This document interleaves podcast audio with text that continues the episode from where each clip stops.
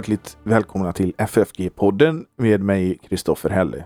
Och idag så har jag eh, två mycket eminenta gäster med mig och eh, vi återkommer till dem strax. Men först är det så att man vill ge ett bidrag till församlingsfakultetens och den här poddens arbete. Gör det gärna på Swish. Numret är 123 100 8457. Finns också i avsnittsbeskrivningen och då märker man det med FFG Gåva eller FFG Podcast. För annat som händer på församlingsfakulteten besök vår hemsida ffg.se.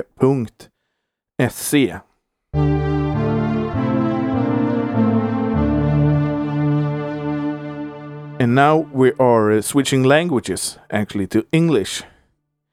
And we say, first of all, welcome to Naomichi Masaki. Good evening or good day. And uh, to our good friend Tim Mulato. Hello, and thank you for calling me. We are going to talk about the Holy Communion today, and that's little of your um, area of expertise. Sure. Hope so.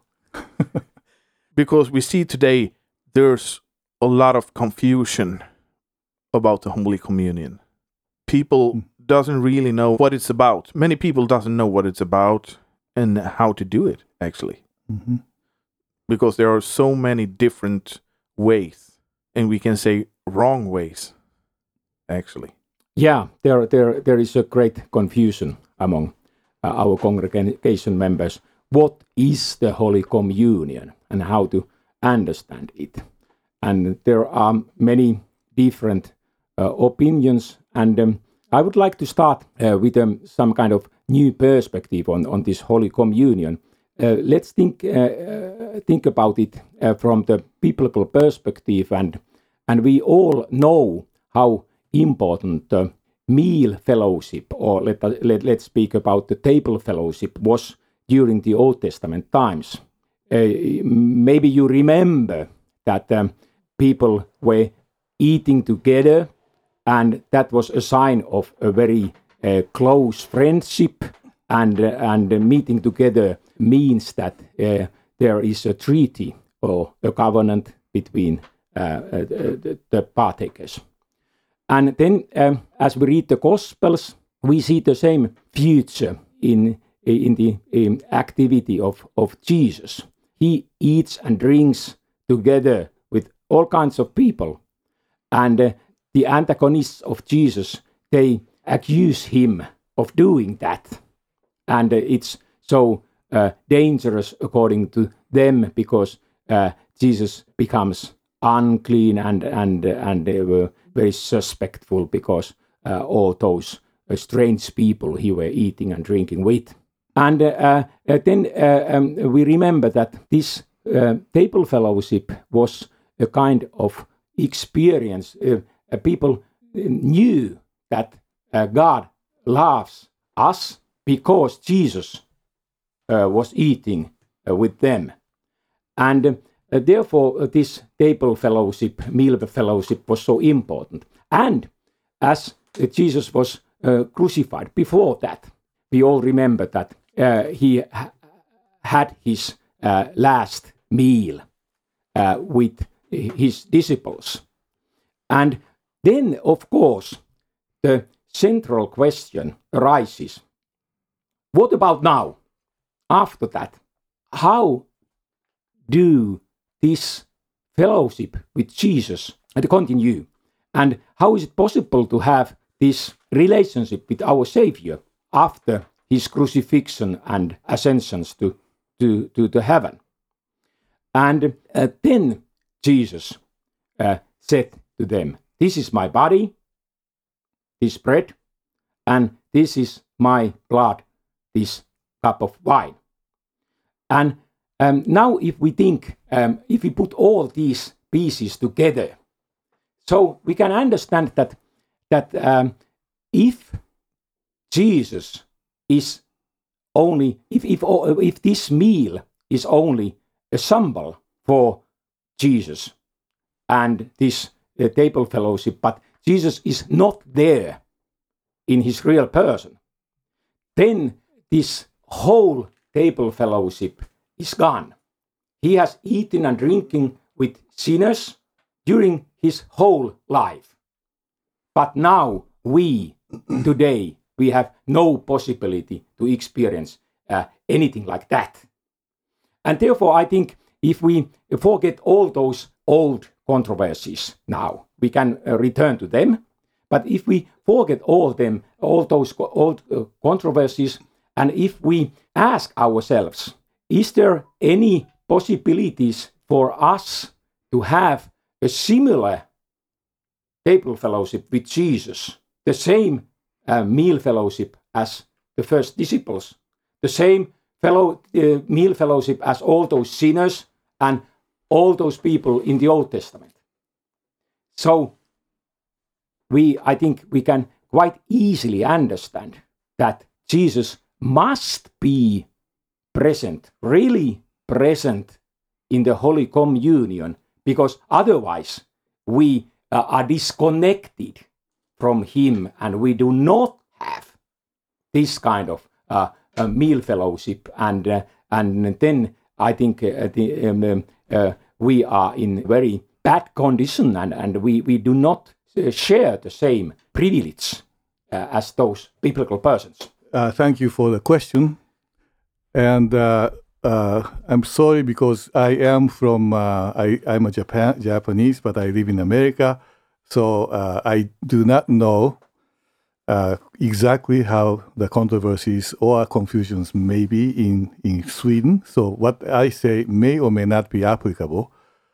Uh, but concerning the Lord's Supper, uh, we have the best text, best explanation available, and that is Luther's Small Catechism.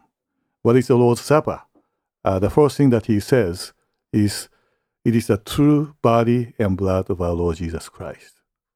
So that is the first point. Okay? So, under the bread and wine instituted by Christ Jesus for us Christians to eat and to drink. But the, the important point is the body and blood of Christ.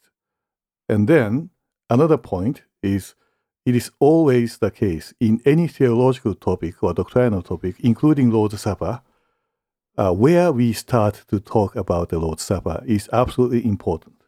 Do you like to talk from uh, the presence of Christ talk, or would you like to talk about the Lord's Supper from a communal meal, or do we like to talk about the Lord's Supper from the words of institution, which is the position of the Lutheran confessions? To simply put, the Lord's Supper is Jesus' pastoral care toward sinners.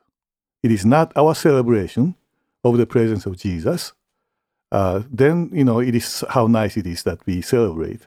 And any way possible, anyone can celebrate it, whether or not you believe that it is the body and blood of Christ, or it is symbolic, or Jesus is spiritually present among us. There are so many variations. But uh, if you understand that it is Jesus who extends his pastoral care by giving into our mouth his own body to eat, his blood to drink, for the forgiveness of sin, then we can only be thankful. Uh, uh, thank you, Lord, that you do it this way. Uh, you don't have to, but you do it. And we don't deserve to receive uh, your body and blood, that is the body and blood of God, the Creator, the Redeemer. But we get to eat and drink uh, because we need it. Maybe we don't realize how, how needed we are, but He knows that how much forgiveness and life and salvation that we need. And anyone who doesn't start by the Word of God uh, to understand and confess the Lord's Supper, they simply uh, will begin to make up a theory after theory about the Lord's Supper. The Lord's Supper is not something theoretical. Mm. It is quite simple. It is our Lord uh, who gives into us and our mouth his own body and his own mm. blood. It is his out of love he does it, and uh, he gives us the communion to uh, his body and blood, and through them uh, to each other as a Christian. And if I do you like me to can I speak longer or should I finish here? No, speak longer if you so want. You, okay, okay. Then in terms of the confusion and controversy concerning the Lord's Supper, there are different twists over the course of church history. Uh, in the 16th century, there was a almost for the first time in a major as a major movement, there were people who denied the body and blood. So symbolic understanding came into being. And before that, there was a controversy, of course, with the Roman Catholics, uh, who, uh, whose purpose of the Lord's Supper was basically a unity with God. So it's by elevation, we are going up there. And Luther was the one who uh, started by the words of the Lord and kept on confessing the Lord's body and blood. There was a several controversies in the 16th century, even at the time of uh, after the death of Luther. Uh, the conversation continued, and uh, Lutherans also tried to resolve it, and they seem to have resolved it by the formula of Concord, but a continuation took place. So it wasn't necessary to uh, produce another thick book called the Apology of the Book of Concord, mainly concerning the Lord's Supper. But later on, the major controversy started to be a uh, Lutherans and the Reformed, the Protestant people, how to understand the Lord's Supper together so that we can be together in the church. That started out in the 19th century. Uh, the Prussian Union took place, etc. And the solution to that uh, was exactly the same as earlier time. That uh, let's forget about the body and blood. Let's forget about the bread and wine. Let's talk about the person of Jesus. If we say uh, Jesus is really present, then everyone can agree and to come to Lord's Supper together. Uh, this, is, this was done after the 19th century on the basis of the one common important point that the Bible is no longer God's word. When you dismiss the authority of the Bible, then, oops, then uh, you think that uh, uh, the, the details of confession becomes merely a scholastic, you scholars debating with each other, disagreeing with each other. But the central point would be it is Jesus' person. So they started to go about, and on the basis of the common ground of what is called higher critical method of biblical interpretation, which permeated everywhere. Lutherans, Reformed, Roman Catholic, Eastern Orthodoxy, everywhere. On the basis of that, they could come together to say, yes, it is not that important. Let's have the Lord's Supper together. Let's have friendship with each other. This is the communion after all. So let's enjoy our company with each other. By saying, yes, it is Jesus who is present. How? That's the disagreement point. Whether Jesus as God and man, or Jesus as only God, whatever. But they could come together. And so, from that point of view, those of us who are remaining Lutherans with the Book of Concord, uh, just confessing what the Bible says, uh, we are considered to be a narrow minded, unfriendly, um, unsocial kind of a Christians. But so be it. Mm. Our Lord says what He says, mm. regardless of what we think. And He's the one who invites us to the table of the Lord. But th th that's a little bit with the social gospel that's been very prominent in, in later years. And that's uh, turns into the Holy Communion as well. That it just becomes a, a thing you do together with others, and you mm-hmm. don't think about Christ. Mm. And then um, uh, during these um, controversies concerning the Holy Communion, there is a kind of terminology that um, many theologians uh, um, make a use of, and in partially they conceal the true presence of, of Christ and his body and blood. It was possible to say that Christ is truly present in the Holy Communion. And in Latin, Latin you, you have this truly, uh, vere. And then uh, Lutheran uh, theologians, they have always confessed that Christ is really present in Latin realiter. And if we, for example, if we read uh, the book of uh, uh, or the, the um, Leuenberg Concord, and and if we re um, read um, some other ecumenic, ecumenical documents, we still find that we agree that Christ is truly very present in the Holy Communion, but these ecumenical documents avoid this formulation that Christ is really realiter present. And, and of course, as, as Professor Masaki told us, then we, we have to speak about the real presence of Christ's uh, body and uh, blood. But, but uh, uh um, we have to understand that um, we theolo- theologians, as we are having our profound conversations and theological treatises on, on, on the Holy Communion, uh, it's possible to, to, to, to make use of that kind of language that different people from different countries they can understand this terminal, terminology in their own ways. But uh, it's not sure that they all agree on the basic facts. Yeah. And uh, may, may I may, uh, have a, an example if we think about this very current uh, discussion about NATO treaty between Sweden and Turkey and Finland. We all agreed one year ago. We had a, a common document and we were all of the same opinion. But then we all know that the same text is now the source of different opinions. And we all read that common statement in a different way. That's our problem when we are discussing um, the Holy Communion, that we, we have um, many good for formulation, at least many think so. Mm-hmm.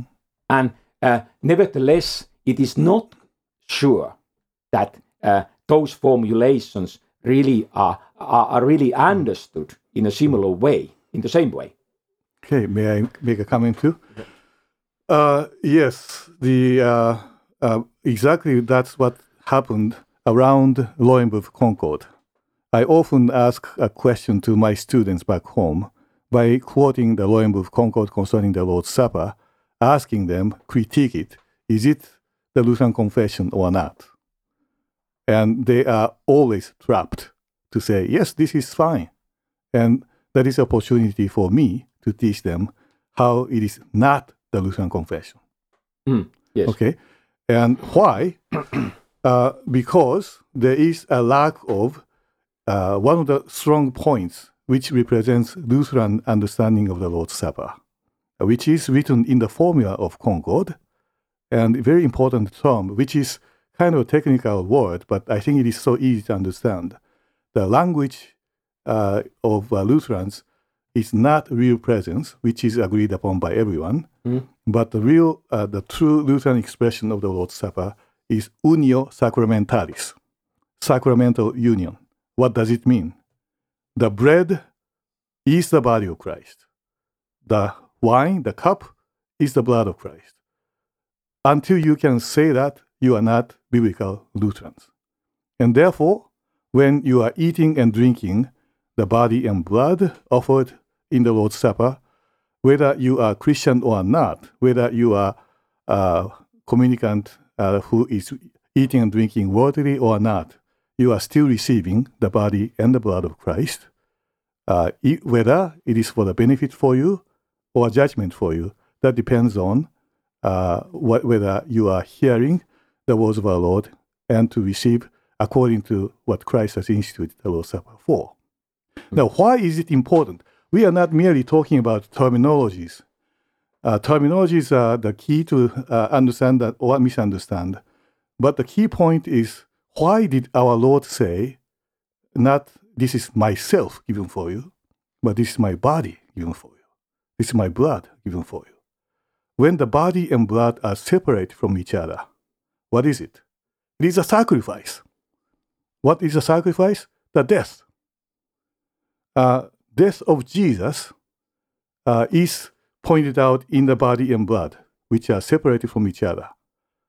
So, uh, to make a long story short, in the Lord's Supper, as you eat and drink the Lord's body and blood, you are actually receiving the death of our Lord, which already destroyed our own death. So we may compare our Jesus, our Lord Jesus' death as big D, capitalized death, which destroyed the death itself. Our death is a small d. And so when we go to the Lord's Supper, we are so thankful that we are receiving as if it has not been you know, received before. We already received it, in holy baptism, holy absolution, the preaching of the gospel. But as if that is not enough, our Lord comes and makes sure that you have my death. So don't worry about your dying. That is already taken care of. And uh, uh, his giving of his death means that we are given life in him. We are not eating the dead body and dead blood of Jesus. The body and blood of Jesus have been uh, accepted by the Father and his sanctuary. And we are getting the lively body, lively blood, which ancient uh, uh, uh council, Council Ephesus, said, uh, the life-giving body of Christ, mm. life-giving blood of Christ. Only when we pay attention to the body and blood with the sacramental union, then you get this juicy, this wonderful, great news and comfort. Mm. When you do speak only the person of Christ, you don't. After all, Jesus didn't say, This is myself given for you. He said, This is my body given mm. for you. This is my blood shed for you that is given into your mouth. So it is absolutely important for us to retain and rejoice in the gift of the body of Christ, the blood of Christ. And Paul said at the end of uh, 1 Corinthians 11, as you eat and drink the body and blood of Christ, you proclaim the Lord's death until he comes. Mm. He didn't say Lord, Lord's resurrection, but Lord's death. It is a Good Friday talk, uh, which is given to us as a gift. So, uh, my point is, it is important for us to have a clear confession for the sake of retaining the very profound comfort that our Lord is giving in the Lord's yeah. Supper.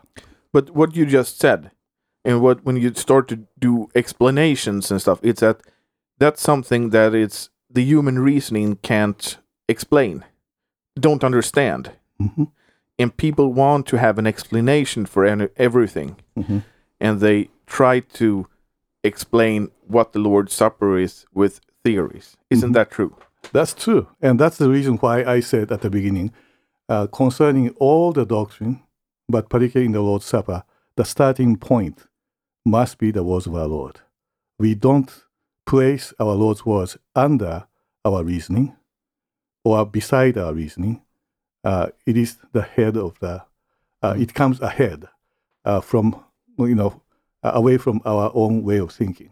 But if you apply the same kind of principle or method on any part of doctrine, you can't confess anything. I mean, how can you reasonably understand that the man Jesus is God? Or how could mm. Virgin Mary give birth to a God? Uh, that's impossible. What about resurrection? What about baptism? Uh, if you try to understand the Bible according to your own reason, you lose everything. In fact, again, a small catechism says it I believe that I cannot be believe by my own reason or, or strength, but the Lord Jesus, you know? So it is, it is an important topic, and it is important for, for us to use our reasoning and our, our way of thinking, but uh, uh, we cannot uh, interpret the Word of God through our reason to change the meaning of the, God, the Word of God. And uh, um, then it's also very important that we put all this together as well, and um, uh, and that um, um, um, Christ and I, I would like to emphasize it that Christ in His own person is uh, really, and now remember what I said, uh, really present uh, in in the Holy Communion, and in that way uh, uh, that uh, his um, real body and his real blood is Uh, uh, given uh, to us and for us, and and so so that that um, this Holy Communion is is not a kind of hocus pocus or, or anything like that, but this is a real miracle. And this is how Jesus, uh, in his corporal reality, is with us, he in his own person as well, through his real body and, and, and blood. And um, um, that's the way how this meal fellowship continues. And, uh, and, uh, and I think it's, it's very important that we have simple biblical perspectives and we can understand the Holy Communion in continuity with all those meal fellowships uh, that Jesus uh, once had uh, with his disciples and all sinners. And we are similar sinners. We need uh, his presence, and his real presence is through his real body and blood. And, and therefore, as we come to the Holy Communion, uh, we will meet Jesus in his own person. He loves us, he is with us, and is, is, is exactly in this way, as Professor Masaki has told us. And um, I think it's this is wonderful that I I have uh, Jesus with me in this way. Another thing I think about is the explanation that you try to explain more than you have to do. For example, the Roman Catholic Church, when they say it's it's no longer bread and wine, Mhm. it's just the body of Christ. But we have this simul perspective in in the the Lutheran theology And simul, that means at the same time. at the same yeah, time. yeah, exactly. Mm-hmm. So it's it's both at the same time it's bread and the body of Christ, Yeah. and at the same time it's wine and the blood of Christ. Yes, that's true. However, the attention of us goes to the body and blood of Christ. So, for example, after the consecration, there was an institution spoken over the bread and wine. How does a pastor say about this bread and this wine? Body and blood of Christ. That's the place where we our attention goes. We are not invited to eat the bread and wine. We are invited to eat and drink the Lord's body and blood. Uh, well, it is a important point of Jesus' presence to be sure, but I think I have a slightly different uh, perspective than uh, my dear friend Dr. Timo Laato. That, uh, for example, Luther has spoken many times. Uh, where is Jesus? Jesus is everywhere, but is everywhere Jesus particularly for you? Exactly. That we don't know I mean. un- yeah. until he tells us that here I am for you. yeah. So he is here in this room, and Jesus is there everywhere, Yeah. And with uh, God and man at the same time. There is no point where he uh, de-incarnated himself. So Yeah. he is an incarnate God and man at the same time in Yeah. the one person of Christ. He's there, but we don't know whether that presence of Jesus is law or gospel until Jesus says, I'm here for you. Hmm. And that's the Lord's Supper. Yeah. Uh, Lord's Supper, He is there for you, but uh, we can also say Jesus is there for you uh, through holy baptism or through the gospel preaching, even pastoral office. That's where Jesus Mm. is to, uh, uh, with through the man who is in the office, represents representing Jesus to be the hands and the mouth of Jesus to declare the forgiveness of sins. Therefore, when we hear pastor says, uh, by virtue of my office Mm. as a called ordained, ordained servant of the word, I announce the grace of God to all of you. In the said and by the command of my Lord Jesus Christ, I forgive you all your sins in the name of the Father, Son, and Holy Spirit. It is not the forgiveness of the pastor. Yeah. It is the forgiveness of Jesus himself, who is truly present there. Not representing in the sense of absent Jesus is represented by the person of uh, pastor, but uh, Jesus goes with the one he sent. It's like uh, God and Moses. Uh, God sent Moses into Egypt. Where was God? With Moses.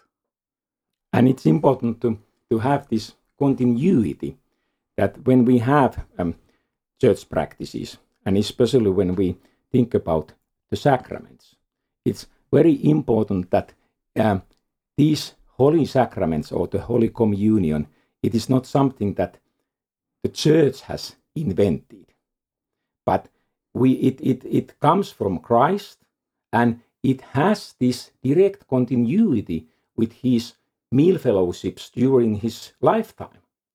And I think this is very important that we uh, see these uh, long timelines and we can understand that what Jesus has done during his lifetime, he's the same person even now, and he does the same thing with us, and we eat and drink together with him, and he gives us his real body and blood.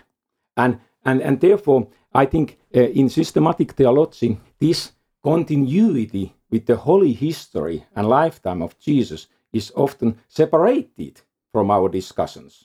So that we, we start to think about this Holy Communion as, a, uh, as separated from what we have in the Gospels and what we have in the lifetime of Jesus.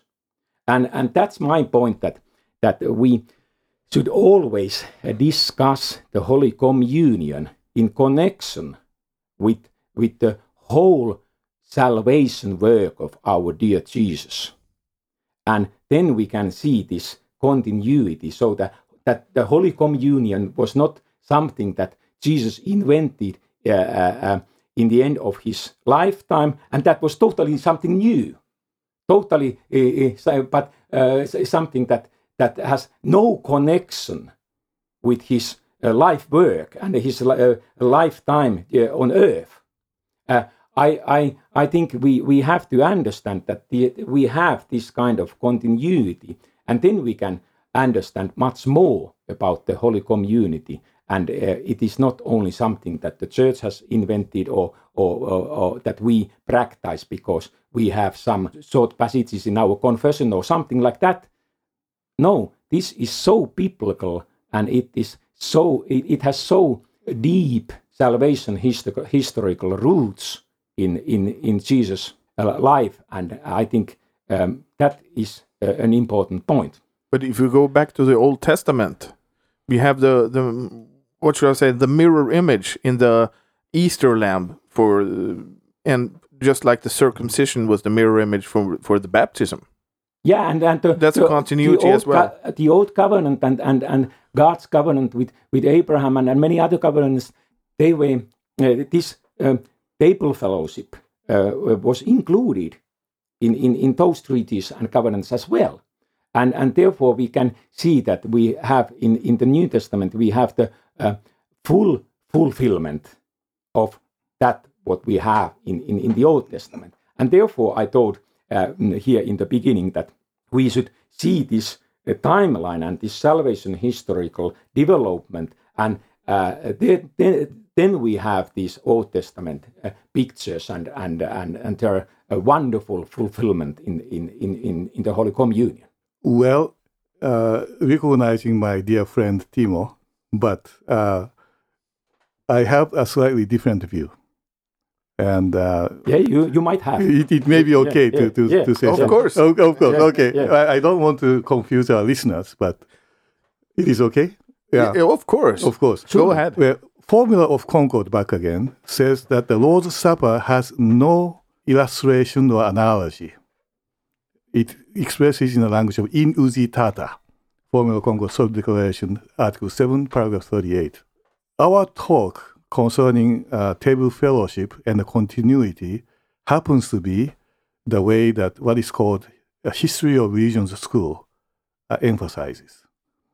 Uh, do you have the Lord's Supper? Yeah. But what is the Lord's Supper? Uh, how to be understood? Well, it is a continuation of Jesus' meal. Uh, why? Because every religion has a meal fellowship. Okay? So it is not only Christianity, it was in the Jewish religion, it is in Buddhism, it is in uh, other religions as well. Likewise, holy baptism. What is baptism? Let's talk about the religious use of the water. It is everywhere in every religion. And by the way, Jesus also has a use of water. So in that way, continuation is a maybe a key word which is also important in a way, but I like the listeners to not to misunderstand that the Lord's Supper comes from uh, the table fellowship as a continuation. I mean, Jesus had table fellowship with sinners, but where did he give his body and blood? No, nowhere. Lord's Supper is absolutely unique. It is by Jesus as a creator. He said it, and it is given. Why do we have the Lord's body and blood? because it was possible for him to do it because of possibility of incarnation. No, our Lord's Supper doesn't even based on uh, incarnation of the Lord. Personal union is not the foundation for the sacramental union. And what is the, what is the foundation? Uh, Lutherans always confessed it is the words of Jesus. It is He who did it, and it is so. Uh, continuation kind of thing, we can observe uh, Jesus' table fellowship, uh, even the uh, Old Testament table fellowship, or how about Melchizedek use of uh, uh, bread and wine? Is that a type of the Lord's Supper? Lutheran said, no. Why not? Because again, our Lord is the one who uh, created the Lord's Supper for us. But when you have the Lord's Supper, yeah, you can uh, you can observe some similarities, like a resurrection of Jesus. But Jesus also raised the dead, the, like Lazarus. But that is not a a starting point. Our starting point of the Lord's Supper are the words of our Lord.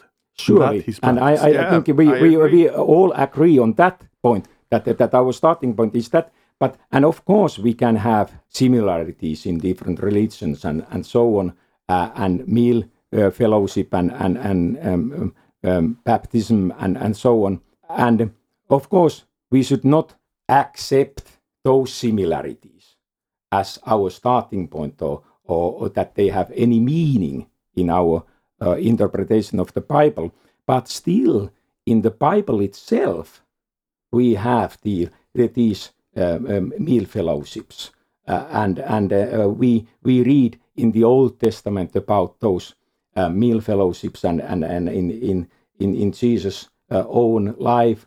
and then um, Jesus says here in Matthew, Matthew chapter 26, that um, this uh, Holy Communion, he says after afterwards, I tell you, I will not drink again of this fruit of the vine until that day when I drink it new with you in my Father's kingdom.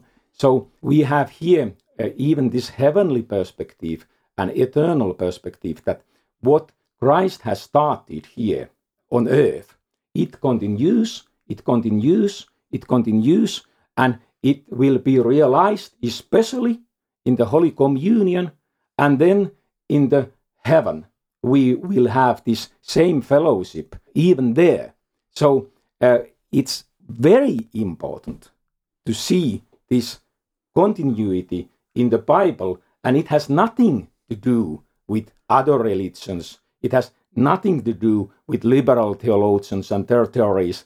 We are not talking about them. And, and I think, I think um, that as we read about those false theories, as we read about liberal theories. So um, we uh, often cast away them, and together with them, we cast away all the biblical material. But I, I repeat and I emphasize that we still have in the Bible itself, we have this meal fellowship all the time, from the Old Testament to the New Testament, and even in the heaven, we will have the same meal fellowship. So in this sense, it's important to emphasize this. And I think um, our main point is still that Christ's presence is the presence of his uh, real body and blood uh, in the Holy Communion. And, and, uh, and, and this is our Holy Sacrament. And, and it has its deep roots in the Old Testament and in, in, in, in the New Testament and, and, and in the Holy Communion. This is something very special because now we have Christ's real presence through his body and blood, and as you so far, so wonderfully uh, has described to us this uh, aspect of, of sacrifice that that that now now now we really has this full fulfillment of of whatever we have in the Bible. Yeah, I think this is an interesting conversation. Uh, the Lord's Supper, as we confess it, comes from the words of Jesus. Th- that must be the foundation. The foundation. Yeah, yeah exactly. The, the foundation. Uh, and the emphasis there is our Lord gives us his body and blood. Exactly. Uh, that uh, aspect is actually weakened when we compare the Lord's Supper with the meal fellowship in the Old Testament and the meal fellowship of Jesus in the earthly ministry, and even uh, the heavenly thing that you just talked about. Not necessarily, because It is if we speak where about does this, our, uh, where does our Lord give the body and blood for uh, the in- in, a forgiveness of similar way, if we speak about Christ's real presence in the holy baptism, we have uh, uh, also here in, in, in, in the New Testament, we have all those Yeah, Old I Testament uh, you are pictures and, and, you, and, you uh, are so stuck with the notion of the real presence. Again, Jesus is present everywhere. That's not uh, a particular point, a particular. I'm, I'm, spe- I'm not speaking about his uh, presence everywhere. I have never m- mentioned it. I, I speak about his real presence in the Holy Communion Yeah. through his uh, well, body part of, and part blood. of my dislike Yeah. of the language of real presence were twofold. One is that the language is so commonly used by everyone, so it has lost the meaning. That's one. And then another point of dislike is that this language is so Neoplatonic. Real, what does it mean? As opposed to, yeah, Unreal. yeah, yeah. exactly. But but that is not uh, that the, the way that Lutherans have talked about. So don't insert anything extra to what the Bible actually says. Yeah, that's that's the same with the use uh, of, uh, for example, the word homoousios. yeah? You add another word that's Well, not that's biblical. fine, uh, so long as, like Luther, he didn't get into ontological philosophical ideas about anything. Yeah, Homoousios was the important language to say no to Arianism. yeah, of course. That's all. And then I would like to, to uh, emphasize what I said um, earlier in, in this conversation. We can speak about this true presence of Christ. And uh, it is something that Zwingli and Calvin and other liberal theologians can accept true presence. But then, uh, um, as, as the Lutheran fathers were eager to emphasize that Christ is realiter presence, present in the Holy Communion, that was I think I think you are confusing. Uh, Yeah. you are confusing the words that are there in the Lutheran tradition, because the realis was applied for the personal presence or personal union in the formula, but the Lutheran terminology for the presence to emphasize that was verum, the true. yes, True was actually the one. But better but, than but, but, but, but, but uh, during uh, these later discussions, realiter was the word that was uh, that was not able, uh, that was not accepted by by by um, Calvinists. And Of course, Yeah, because yeah, realis yeah, was opposed to figurative. Yeah, yeah, and and and and therefore, uh, but but back back to to the, to the holy baptism that we we have um, in the Old Testament we we have the baptism into Moses, for example, First Corinthians ten, and and um, then we have this catastrophe of flood uh, during the Noah time, and and and and and and so and those are pictures that um, are used in the New Testament as a as a biblical basis for, for, for the holy baptism. But of course, as our Jesus gives us the Christian baptism, it's much, much more. And the fulfillment is always much, much more. Uh, it's, uh, it's, it's so typical in the New Testament that, that the, full, the time of fulfillment it's much, much more than what we have in, in, in, in these uh, typological pictures. And, and, in, in, to, and to, therefore, to, to tell the truth, I, I think Yeah. I do have a discomfort in your uh, use of the language and expression. Uh, much more meaning that there was something in the old and Jesus has a better one. No. What there was in the Old Testament has been fulfilled by Jesus, and Jesus has given to us completely new. it is not uh, not uh, not without this continuity. Yeah, I think uh, that the, the whole connection with the Old Testament and New Testament is destroyed by that. And uh, In uh, a way, it is. in a way, it is. Why do we have uh, no sacrifices? Because Jesus fulfilled it. yeah, Why do we have no Passover meal? Because Jesus has fulfilled it. Why do we have no circumcision? Because Jesus has fulfilled it. but it's very important to understand uh, um, uh, these sacrifices in the Old Testament because if we understand those sacrifices, we can understand the sacrifice of Christ Yes, much that- better. that's true, And that, yeah, that's true. yeah, and, and therefore we have to, uh, and if that is true, then we, we, we, we can continue our argumentation in a similar way And the same is true um, concerning uh, the baptism, concerning the Holy Communion as well. So it's very important that we do not start to think about the Holy Communion only in dogmatics, uh, dogmatic, uh, dogmatical or systematical uh, uh, terms, but we have to go back to the basics, back to the sources, ad fontes, and our source, our holy source is the Bible. And therefore, everything that is written there is important to understand in order to understand Yeah, the fulfillment fine. of, of, of Sure. Christ. I was kind of offended by by hearing that I'm dogmatic and dogmatical talk is what I say. I, I, th- I thought I was trying to explain what the Bible says. Yeah, and That's I, all there is. and and I I did not say that you you are only uh, uh, Dogmatic is actually a good word. It's Yeah, not a bad yeah, word. Yeah, but but uh, I I I think we in in that case we agree that uh, that it's important to read the whole Bible, and then it's it's uh, helpful for us to understand the Holy Communion as well. Yeah, Yeah, but I think Timo that this is a, a, a very one of the best episodes we've ever done. I think. yeah. Yeah, thanks. And- but I think that Thank you for coming from America to, to make this possible. We're not Yeah, through yeah, yet. yeah. We're not because I have I, I I- I think I have a an idea about this, and it's Yeah. you speak like Professor Hugo Odeberg. Thank you. Like the, the, this is right from his uh, exegetical uh, perspective, Yeah, yeah. and we you come need it. from you come from another perspective. I think yeah. it's a systematic, dogmatical perspective. Okay. And I, I, I really appreciate your, your, your, your knowledge, Professor Masaki, and I, I know that you are good theologians, and, and I think this conversation was once again a, a, a good sign Yeah, of your, your, your, your Yeah. immense knowledge, and, and thank you so much for coming. Yeah, but we have to. One thing, we can sit here, Mhm. us three, and talk about the Holy Communion, theoretical ways.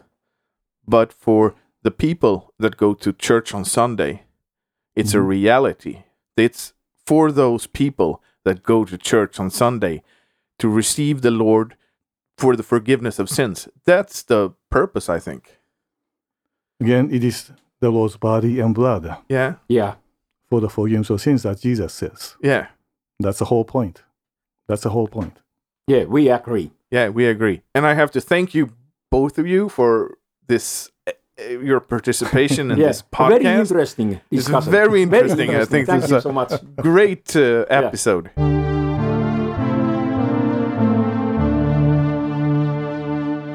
And we say to our listeners that we we talk to you again next week. Bye bye. Bye bye. Thank you.